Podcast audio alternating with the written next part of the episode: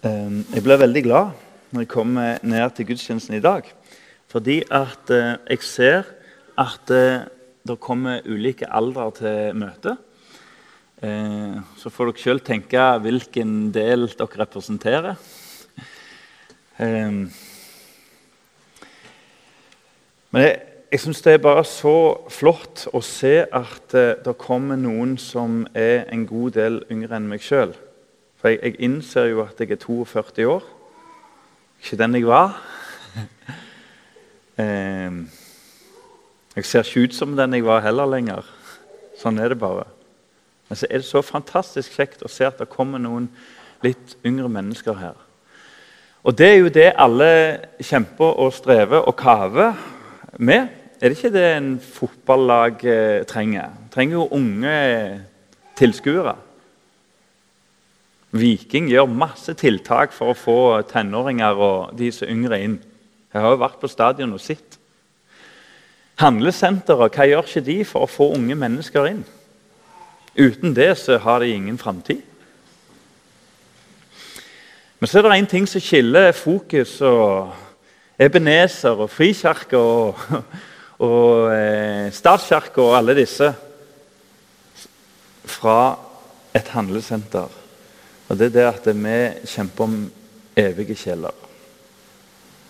Og da har jeg bare lyst til å si at eh, Når det kommer yngre mennesker her, så er du med og er en vert for andre.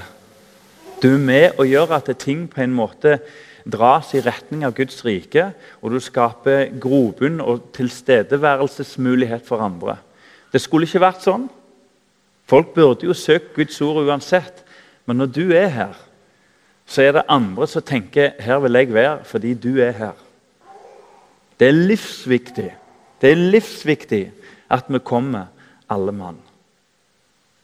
Fordi vi kjemper ikke om å være et ungt kjøpesenter eller om en kjøpekraftig eh, menneskeflokk. Vi kjemper om evige kjeller. Herre Jesus, takk for dagen i dag. Takk for hver en som er her. Hjelp oss å være vert for et hjem, et sted å være, et sted å tilbe, et sted å komme sammen til sakramenter og Guds ord, og fellesskap og trøst, oppmuntring, rettleding. Herre Jesus, jeg takker deg for fellesskapet vi har. Skrøpelig og mektig på en gang, Herre så ber vi nå for all forkynnelse i Norge. For alle gudshus i Norge. Og aller mest så ber vi for de minste. Vi ber for Betvins søndagsskole, barnelag, kongebarn. Alt sammen. Og vi ber om at din ånd er mektig til stede. Og tar bolig i mange, mange små sinn. Amen. Ja. Temaet er ferdiglagte gjerninger. Det kan jeg si med en gang at De ordene står ikke i kombinasjon i Bibelen. I hvert fall ikke etter hverandre. Men det er fra Efeserne 2, spesielt vers 10. Og Det skal vi lese, men ferdiglagte gjerninger det er mer en konklusjon av det som bl.a. står i Efeserne 10. 2 vers 10. Men jeg har lyst til å fortelle en bitte liten historie. Eh, når jeg var liten Jeg tror det må ha vært første eller andre klasse. Det som nå er andre eller tredje. Så jeg gikk på Haga barneskole. Og det var to kilometer å gå. Det gikk helt fint, det. Og så Det var faktisk en festreise. Og så mm, husker jeg det var ei i klassen som uh, skilte seg litt ut. Ei fantastisk jente. Men jeg kan si med en gang at det var ikke få ganger at frøken nevnte Det er helt gale, men hun sa høyt og trua med Lindøya. Noen her som vet hva Lindøya er? ja. Fantastisk sted hvis du slipper å bo der. men det var et trussel om at du fyker til Lindøya. Nå har Lindøya en annen funksjon i dag, det skal sies. Men høyt sa hun det. Og jeg kan skjønne frustrasjonen, fordi at noen mennesker kan slite ut både én og ti hester. Og sånn var denne jenta. Og samtidig god jente. Så var det en gudskjelov dag at jeg ikke gikk sammen med hun og en annen av mine beste kompiser. Fuglene må vite. En styrelse må det ha vært. Men de fikk, og det kom jo fra hun, denne lysende ideen at eh, skjebnen skulle styre denne dagen. Om de brukte det ordet, vet jeg ikke, men det var i hvert fall den tanken som falt inn. Så det viskelæret hun hadde, som var rundt, og jeg tror det var på den størrelsen Når de trilte det, så skulle de følge den veien. Og som tenkt gjort, det endte med at rektor kom inn i timen. Etterlysninger ble sendt ut, tida gikk. Politiet kom inn i timen og informerte, og ingen fant disse to. Gudskjelov at jeg ikke slo følge med dem, for jeg er troende til å følge skjebnen. Og så var svaret så fantastisk herlig, for det er mye jeg ikke husker her. Jeg husker de var veldig skitne. For de hadde jo vært der, som sagt, viskelærer viste vei. Og så spurte rektor hvor har dere vært? Og så kom spørsmålet hvorfor gjorde dere det? Og igjen høyt foran klassen, kan du tenke deg. Men kanskje det var en mening. For svaret var altså 'Viskelære bestemte', svarte hun. Er ikke det fantastisk svar? Hva skal rektor si da? Viskelære bestemte. Sånn har jeg opplevd i mange år. At ferdiglagte gjerninger det er antageligvis for litt andre personer med litt andre oppvekster og vaner og personligheter. Det er jo ikke for meg. Og så har jeg lurt meg til, løyet til meg sjøl, og fortalt meg egentlig at ferdiglagte gjerninger det må være for litt sånn spirituelle og gjerne litt svevende mennesker. Ikke til forkleining. For det er viktig å være sammen med spirituelle mennesker. Det er viktig å omgi seg med mennesker som er litt åndelig orienterte. Ja. Men jeg har tenkt at det gjelder de andre.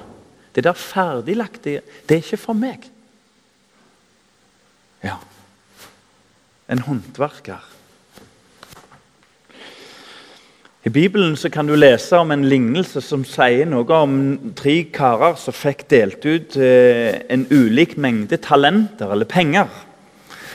Og eh, Herren dro av gårde og ga dem denne tilliten, og han som fikk minst, ble redd. Der var det ikke mye viskelær. Det var ikke mye vandring. Han tenkte det er bedre jeg sparer det ned, så ikke jeg ødelegger det lille jeg syns jeg har fått.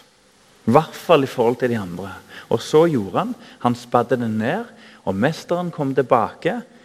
Husbonden, og han tok fra han til og med det han hadde. Det er faktisk en utrolig oppbyggelig og flott tekst vi skal lese i dag. Men så er det òg et ganske klart snev av alvor. For det er en alvorlig sak når Guds folk grave ned talentet. Arbeiderpartiet har ikke avkristna Norge. Ateister har ikke avkristna Norge. Hvordan kan de som ikke kan kristne Norge, avkristne? Hvordan kan mennesker som ikke kan kristne det, avkristne det? Det er mye mer hvis vi setter det litt på spissen nå. Det er en mye mer alvorlig sak når Guds eget folk sparer ned talentet. Og vet du hva? Når jeg ser, jeg syns det var en utrolig flott begynnelse på møtet i dag. Når jeg får også se den videoen om denne kafeen, snakke om at ting detter rett foran beina Det er bare å stige gratis inn i det internasjonal kafé. Det ligger rett foran beina på seg. Så om ikke du får noe ut av denne talen hva ferdiglagte gjerninger er, så dukk opp på internasjonal kafé, så tror jeg Gud skal vise deg noen svære ting som Gud sammen med andre mennesker har lagt ferdig for deg og meg. Ok, Hvis vi får opp Forkynneren 11 Jeg ønsker at vi skal lese to-tre bibelvers i dag. Ganske nøyaktig fire. Og De to første håper jeg bare kan ligge der eh, som en form for bibelsk undervisning og materiale. Og så går vi hjem og leser mer på det. Vi har allerede fått hørt fra Efeserne 2 og holdt jeg på å si topp 10-verset i verden. Efeserne 2,8, kan vi si det? Johannes 3, 16, Det er i den klassen der. Ja. Men vi begynner med å lese Forkynneren. Husker dere det var ei svensk dame som jeg, jeg tror heter Åsa? Stemmer det? Nå kommer jeg på navnet. Ja, Det er et mirakel.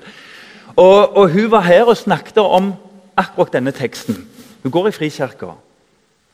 Kast ditt brød på vannet, for i tidens løp skal du finne det igjen. Det er litt til sju, ja til åtte, for du vet ikke hvilken ulykke som kan hende på jorden. Når skyene blir fulle av regn, tømmer de det over jorden. Som tre faller, slik blir det liggende, enten det er mot sør eller mot nord. Den som stadig jakter på vinden, kommer ikke til å så. Og den som stadig ser på skyene, kommer ikke til å høste. Like lite som du vet hva vei vinden farer, eller hvordan benene blir dannet i mors liv, like lite vet du hva Gud vil gjøre, han som gjør det alt sammen. Så, så ut din sæd om morgenen, eller frø om morgenen, og la ikke hånden bli hvile når det lir mot kveld. For du vet ikke hva som lykkes, det ene eller det andre, eller om begge deler er gode. Lys er herlig, det er godt for øynene å få se solen. Og om et menneske lever i mange år, skal han glede seg i dem alle og komme mørkets dager i hu, for de blir mange. Alt som skal komme ja, Jeg tror vi stopper der. Beklager, jeg gikk for langt nå. Det er en fantastisk tekst. Det er en tekst som sier noe om tilværelsen. Den sier noe om at vi vet litt om knokler, eller nokler. Vi vet litt om skyene. Når de er mørke, så kan det bli regn. Ikke sant? Men så vet vi òg at det ikke er sikkert. Om enn værmeldingen sier flom, det er ikke helt sikkert. Det der er likt nå som da. Om vitenskapen og kunnskapen er aldri så stor, så er vi egentlig på samme sted. Vi vet mye, og likevel så er alt usikkert. I dag er barnedødeligheten svært lav på våre sykehus. Det begynner godt. Og du kan bli redda og helbreda for de utroligste ting. Men døden kommer. Det er akkurat likt i dag som under forkynnerens tid. Og Så sier han hvis du er et menneske som bare står og ser og betrakter det, og la det påvirke deg, og så var det det som kom i veien, så blir det det samme som å spa ned talentet. Så så i dag. Nå. La Gud få bruke talentet ditt akkurat nå. Og Så står det så fa fantastisk flott Kast brødet ditt på vannet. Snakk om viskelær.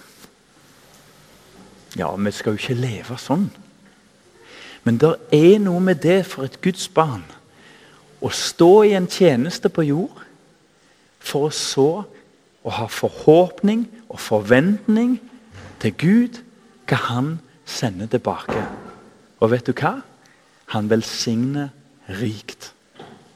Jeg har lyst til å be deg om å evaluere ditt liv på ti sekunder. Men kun på ett punkt. Har du angra det du har sådd? Har du noen gang angra det du har sådd? Da Gud fikk brukt deg på en spesiell måte? Har du angra brødet som ble kasta på vannet? Mm. Jeg tror det er mange som har angra brødet en holdt tilbake. Jeg vil at den teksten skal ligge der. Så leser vi Efeserne 2, og vers 8-10. Og Vår tekst er hovedsakelig i vers 10.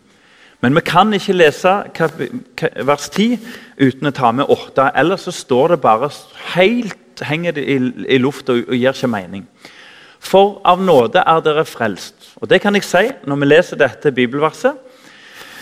Så tar forfatteren oss med vil si, han tar med sine næreste inn i en refleksjon over deres liv. Han sier dere var hedninger, sa han.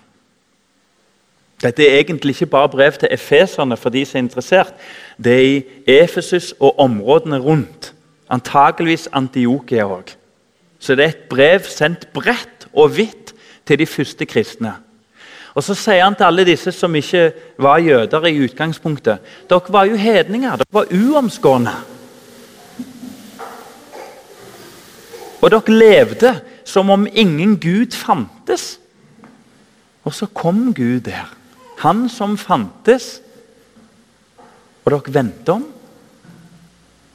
og fikk nytt liv. Og så sier han, så konkluderer han med noe en aldri må glemme. For om nåde er dere frelst ved tro. Og dette er ikke av dere selv. Det er Guds gave. Det er ikke av gjerninger, for at ikke noen skal rose seg. For vi er Hans verk, skapt i Kristus. Nå kommer hele fjorårets tekst i Kristus opp for oss her igjen. Til gode gjerninger. Smak på det ordet skapt i Kristus Jesus til gode gjerninger. Som Gud forut har lagt ferdige for at vi skulle Akkurat som det ble sagt i innledningen her vandre og leve i den. Det er et kjerneord her. Hva er ferdiglagte gjerninger? Det er et kjerneord, tenker jeg. Og det er ordet 'forut'.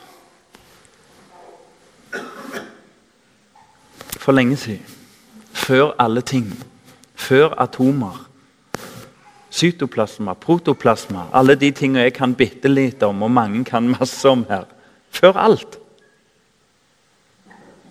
Så var det altså en Gud som var, er og kommer. Vår egen Gud Han er ikke bonden av tiden. Hva er dette? Er dette til åndelig oppbyggelse? Ja. Vi har en Gud som ikke er bonden av tida. Han er tilbake i tid. Han er absolutt til stede nå. I dag, sier Herren. Og hans tilstedeværelse er i framtid. Det sprenger alle rammer. Men det sier egentlig mest om meg og deg, som er bonden av tida. Og Hvis ikke du er enig i det, så kan du i hvert fall innse at tiden binder deg fast. I hvert fall dårlig tid. Som er den nye sykdommen i Norge. Dårlig tid. Vi er bonden av tida. Og Gud svever over alt dette. Det betyr at han vet ting lenge før det skjer. Og så er det noe forunderlig med Guds storhet. Samtidig har han oppfordret seg til å ombestemme seg. Dette er så svært. Gud og tiden. Hva var det de gjorde? Profeten som hørte at Ninive skulle knuses. Ask og strie, bønn og knefall. Og så står det at Gud forandra tanke, angra seg og sparte byen. Så både kjenner Gud framtida, og så er han villig til å lytte til bønner. For en stor Gud. Og så sitter du og jeg låst og fast. Men det er han som kaller på seg.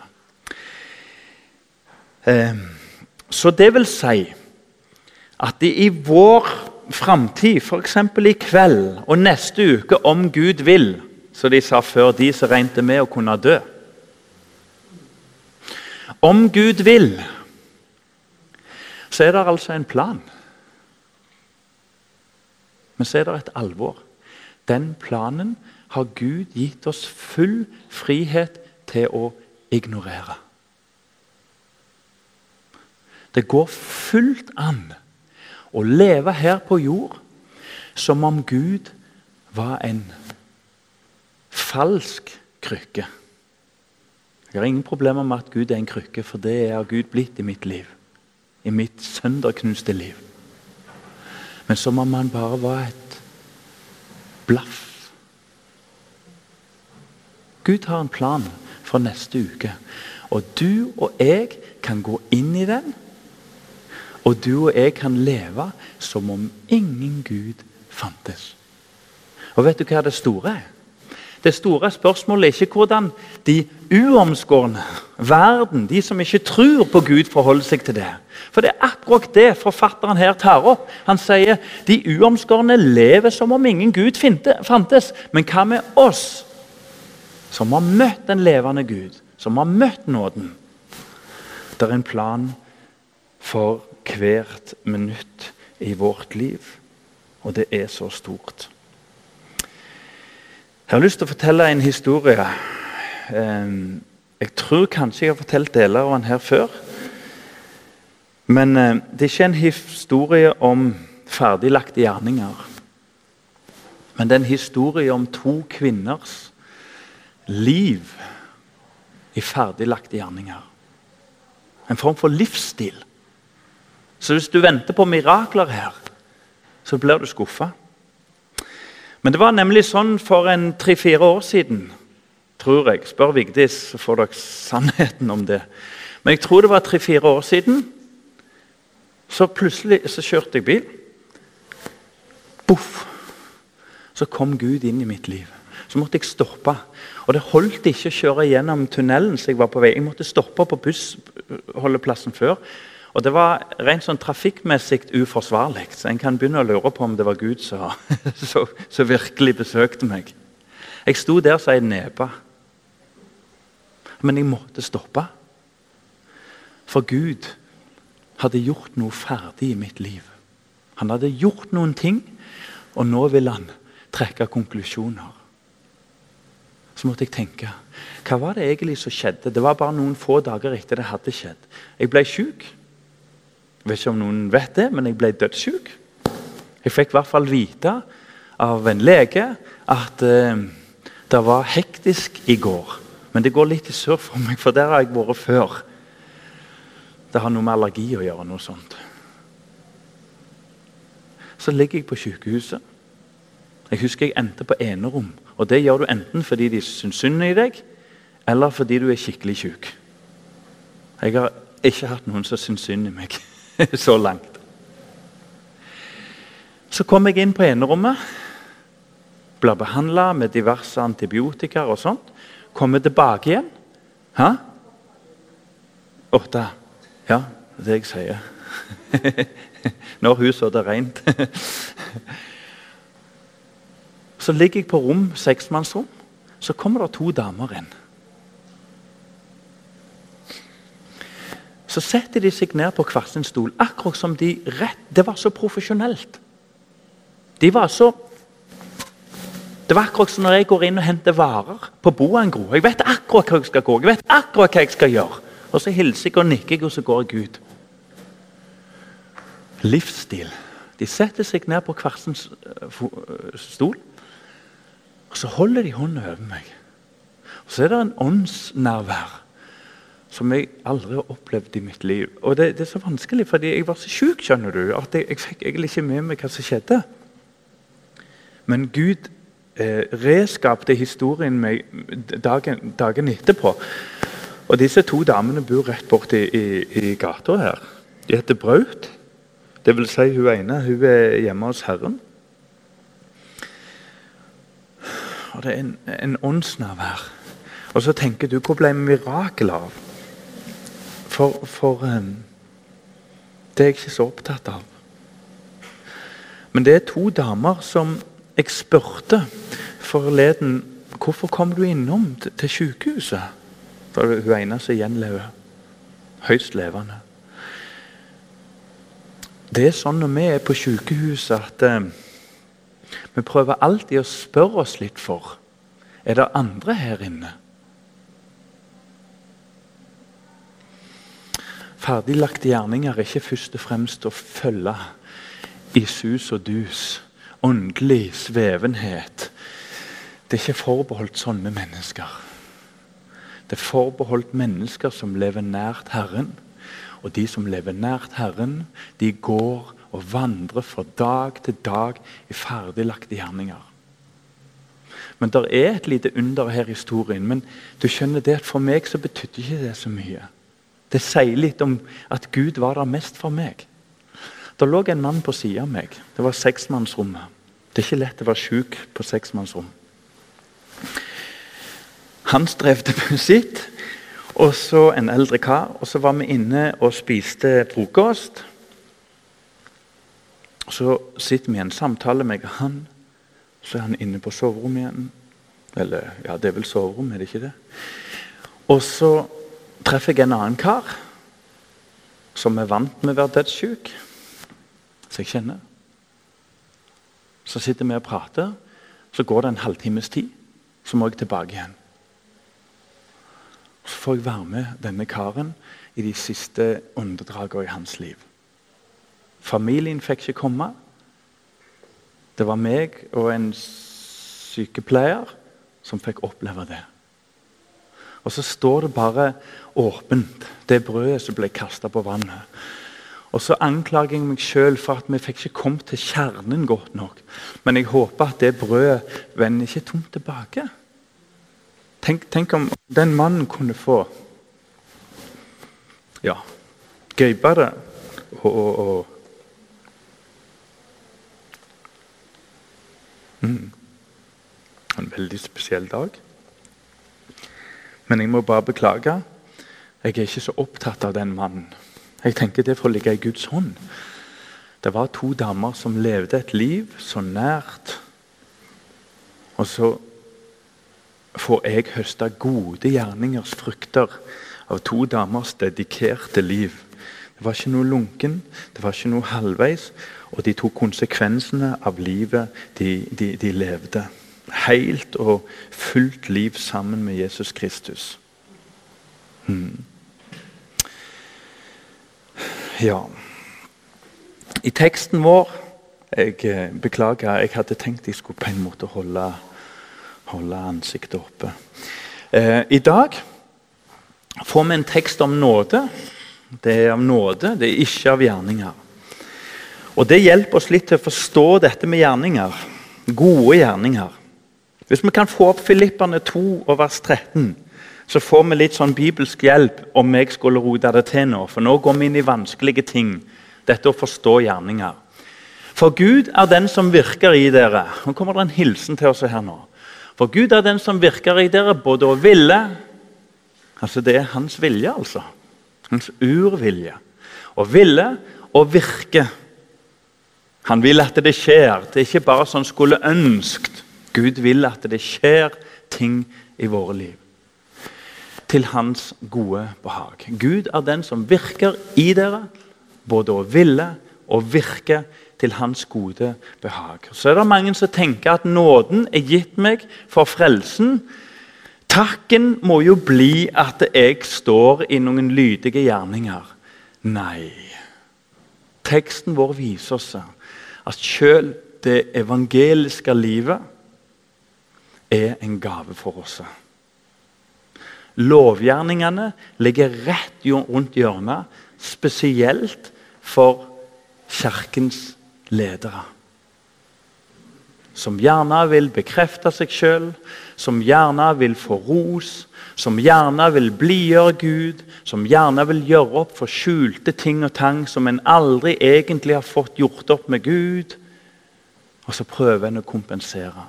Gode venn, vi er møtt opp her i dag for å minne på hverandre om at det er en ny dag for Herren.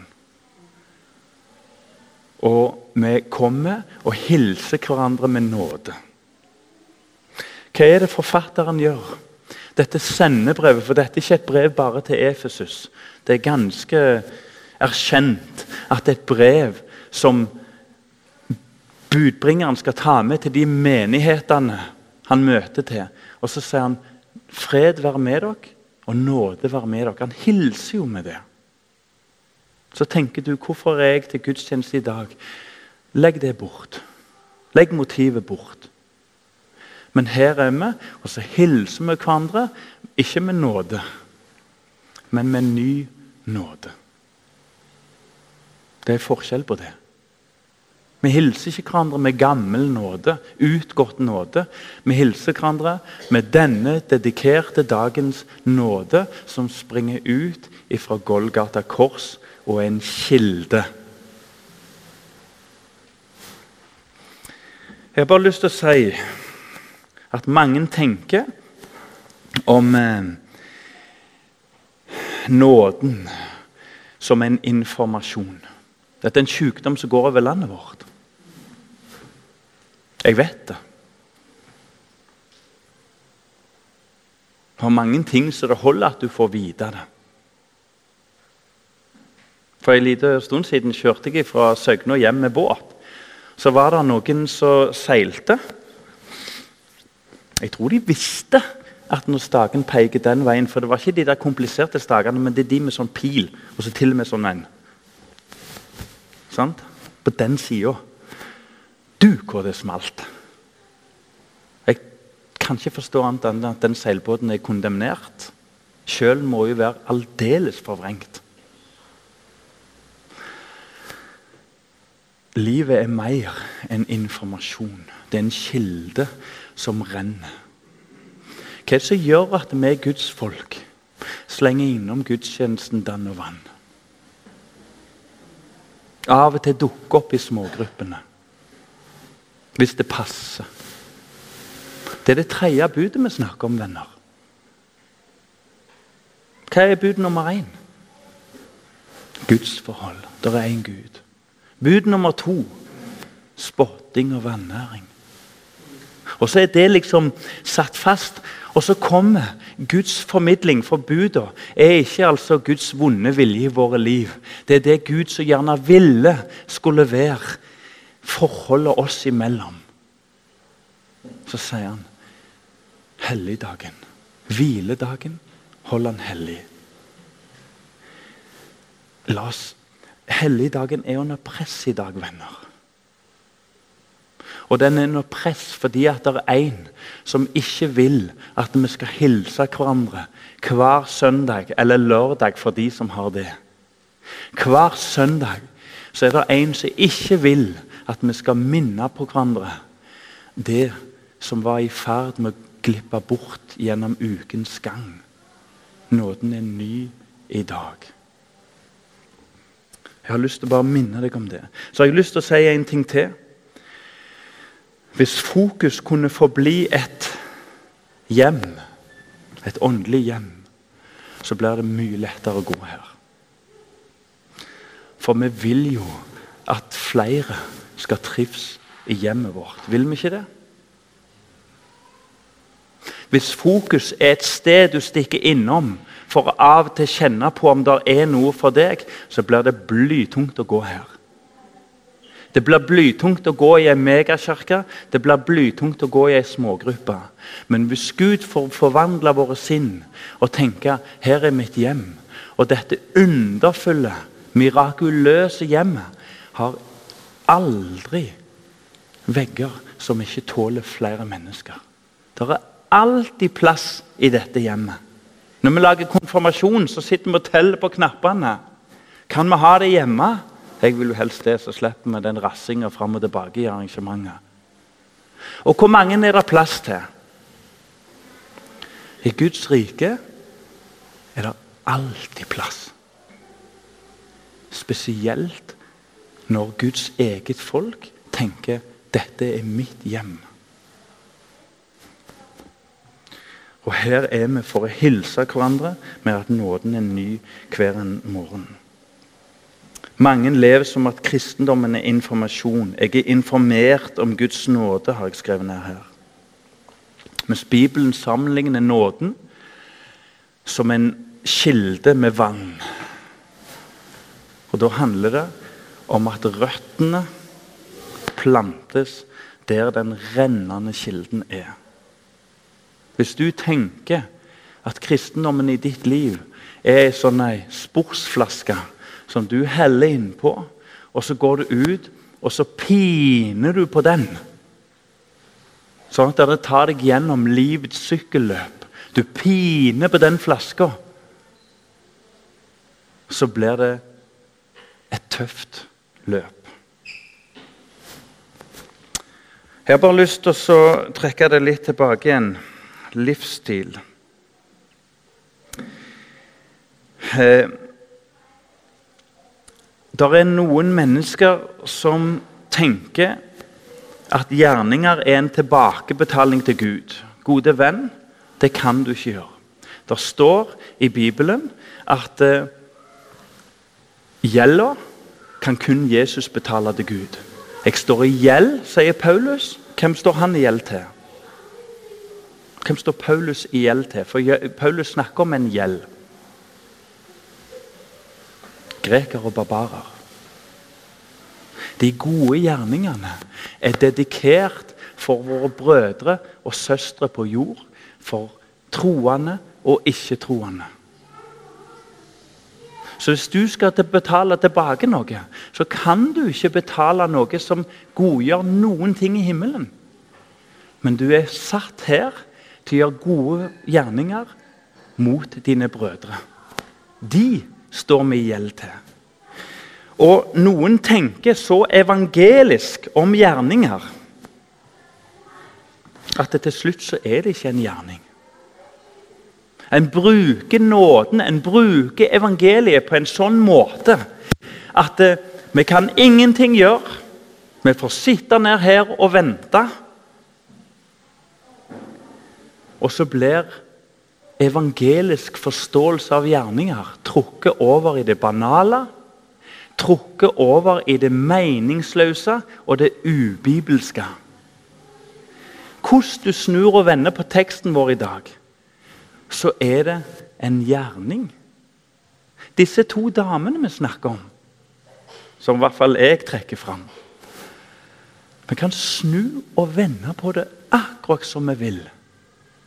Det kommer til et punkt der det er spørsmål om å gjøre noen valg i våre liv.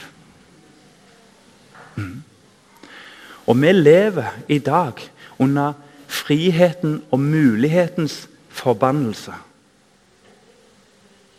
Det største problemet i Norge i dag er ikke manglende muligheter. Jeg så ikke muligheten. Det er blitt det tvert motsatte. Mulighetenes forbannelse. Alt skal være åpent. Til slutt så blir du og jeg som Guds eget folk, som verter for Guds eget hjem. Hva blir vi? Vi blir en slave av at alle muligheter må holdes åpne. Jeg møtte to damer som satte seg ned på en stol, og de hadde dedikert livet sitt. Og åndskraften, vennligheten og målrettigheten fulgte hele rommet. Og vet du hva jeg håper mest på?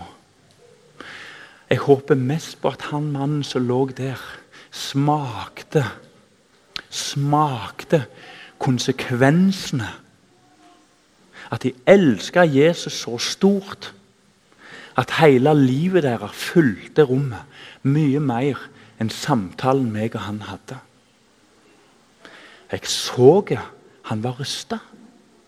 Og Hvis vi snakker om fredens barn, som var teksten langt på vei fra sist søndag, når Kristian var her, Kristian Landro, skal tro om det var en sånn en person som Gud har arbeida med lenge. Derfor så tar vi opp igjen den positive, spennende utfordringen som Gud har til oss nå. Er det et menneske som tidløshetens Gud Han som ikke er bonden fra evighet her, har arbeida med.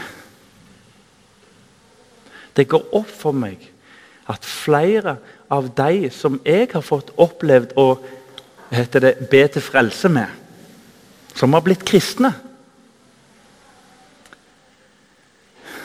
Det er mennesker Gud har gjort mye mer med enn jeg. Gud har egentlig gjort alt. Der ligger noen utrolig flotte gjerninger rett foran føttene våre. Og hvis vi får Vi skal prøve å trekke det litt i sammen her nå. Tro det eller ei. Vi skal få opp et bibelvers. Og Før vi får opp det fra åpenbaringen, så har jeg lyst til å dele dere litt med sånn betraktninger av menneskers liv for en enkel håndverker. Det er liksom i min verden grovt sett to personligheter, som, så, så, jeg vurderer alle ut ifra det. Jeg håper dere tar spøken nå. Kisera sera heter jo sangen. Det som skjer, skjer. Så humper det går. Eller så er det en bevisst liksom, tanke om at jeg vil ikke la meg binde. Jeg husker Spesielt i ungdomsforeningen var det en herlig disippel som gikk her, og som viste vei.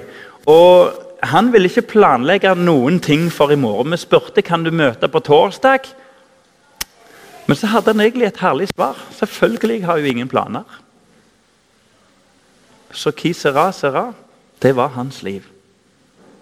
Men så var det litt slitsomt òg, jeg innrømmer det. Fordi det var litt sånn Ja, jeg tror du er med. Ikke bare enkelt å få organisert ting. Han kunne, men ville ikke love. Men en fantastisk person. Så har du den andre personligheten. Nå er vi i min enkle vurdering. Livet må planlegges, og det må aller helst forsikres og Når forsikringsbrevet kommer, så leser man det nøye og vurderer det opp mot mottilbudet. Er alle ting med? Hva med barna? Hva med sykdom? Hva får jeg egentlig her? Og så Hele livet er som et forsikringsbrev. Det er om å gjøre å ha en plan. Og så irriterer en seg over mennesker som ikke kan tenke litt på morgendagen. Det er altså på skjebnens destiny. Har dere sett filmen? Det er liksom Ting bare skjer, og det som skjer Og så er det andre med mennesker som plager, som må ordne opp i andre menneskers uplanlegging. Hvor er du hen? Altså i min grove vurdering. Jeg har lyst til å si at Denne utfordringen var det en menighet som fikk av de syv åpenbaringsbokens menigheter sendemenighetene. Fem av de får, Fire av de får direkte stryk. Det er ikke liv. Det er dødt. Det er ikke ånd. Det må bli nytt liv. En av de kommer noenlunde gjennom.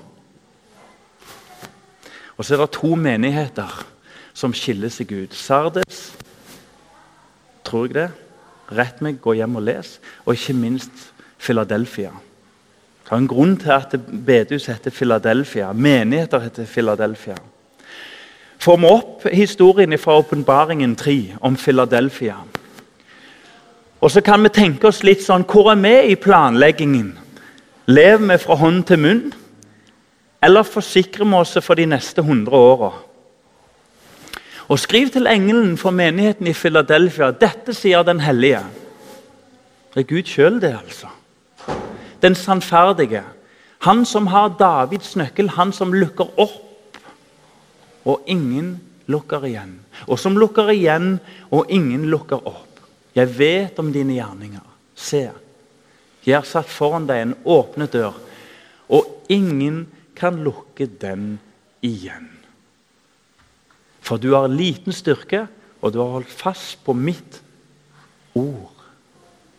Og ikke fornektet mitt navn. Jeg har begynt å legge Bibelen på dashbordet. Så er brødet hevet på vannet. Så kommer det en håndverker en dag og spør Aslak, hva slags håndverker er du som legger Bibelen på dashbordet? Så fikk vi en utrolig fin samtale. Skapt fra evigheten. Det var noen kirkeklokker som irriterte han. Så ringte hver kveld klokka åtte. Så fikk vi en gjensidig samtale. Det er ikke alltid vi får det. Det har du sikkert kjenner du deg igjen i. Den gjensidige, gode samtalen. Så fikk jeg lov å komme med en hilsen til han og si Kan de kirkeklokkene få ringe noen kvelder framover nå og minne deg om at du og gipsplata du holder, er to forskjellige størrelser? Kan de minne deg om at det er en Gud som har en evig plan med deg? Det var ganske morsomt, for på sida av meg Jeg enste det ikke. Jeg prøver å unngå at for mange hører på. På sida av meg så står det en ung eh, lærling. Så bare for å beskrive litt åndssituasjonen som oppsto av det evige fra Gud. Vet du hva han svarte? Jeg har gått på bibelskole. liksom, Det var hans bidrag. Men han ville heise flagg. Er du med? Han ville heise flagg. Gud lukker, Gud stenger dører. Gud har stengt noen dører i mitt liv. Jeg glemmer aldri festen som skulle arrangere. Kjetil Ølberg ble invitert. Alle andre ble invitert. Unnskyld, jeg skulle ikke ha sagt for mange navn. Så sto Aslak der igjen. Ble ikke invitert. Jeg gikk i en rusklasse. Overdoser. Masse problemer. Men jeg har bare lyst til å si en ting til dere. For en styrelse at Gud lukka den døra. Så kom jeg 20 år etterpå, i 20-årsjubileet. Og så sier ei jente i klassen, Aslak Jeg har så dårlig samvittighet for at du aldri ble invitert. Og jeg tenkte det er jeg så på sidelinja. Det er ikke godt å være 13 år og ikke bli invitert. Jeg så på sidelinja. Jeg får jo bli med på alt, syns jeg, selv om jeg ikke var høy i hatten. Og så svarer hun til meg. Aslak, du hørte ikke hjemme der. Jeg ble jo med på barnelaget som mor di og faren hadde. Husker du vi klipte? Det var den gang vi lagde ting. vet du. Andakt og lagde ting og klipte. Husker du det, Aslak? Jeg visste at det var feil av meg å invitere deg, for det var mye hjemme hos hun det var. Og at hun er hun, er et under når en tenker på heimen. Det var ei gjensveis dør. Og så ble det åpna i mitt liv andre dører. Og så har det blitt tidsnok tid til å gå ut i verden. For min del. Jeg tror vi setter punktum med å si at i Efeserbrevet så står det om tempelet, om hjemmet, om de ugudelige. På de tre plassene Og de ugudelige er nedlatende fra jødisk side i Bibelen. De ugudelige. På de tre plassene skal du og jeg få kaste brødet. Og så hilser vi hverandre med et liv i nådige gjerninger. Ferdig skapt av Gud.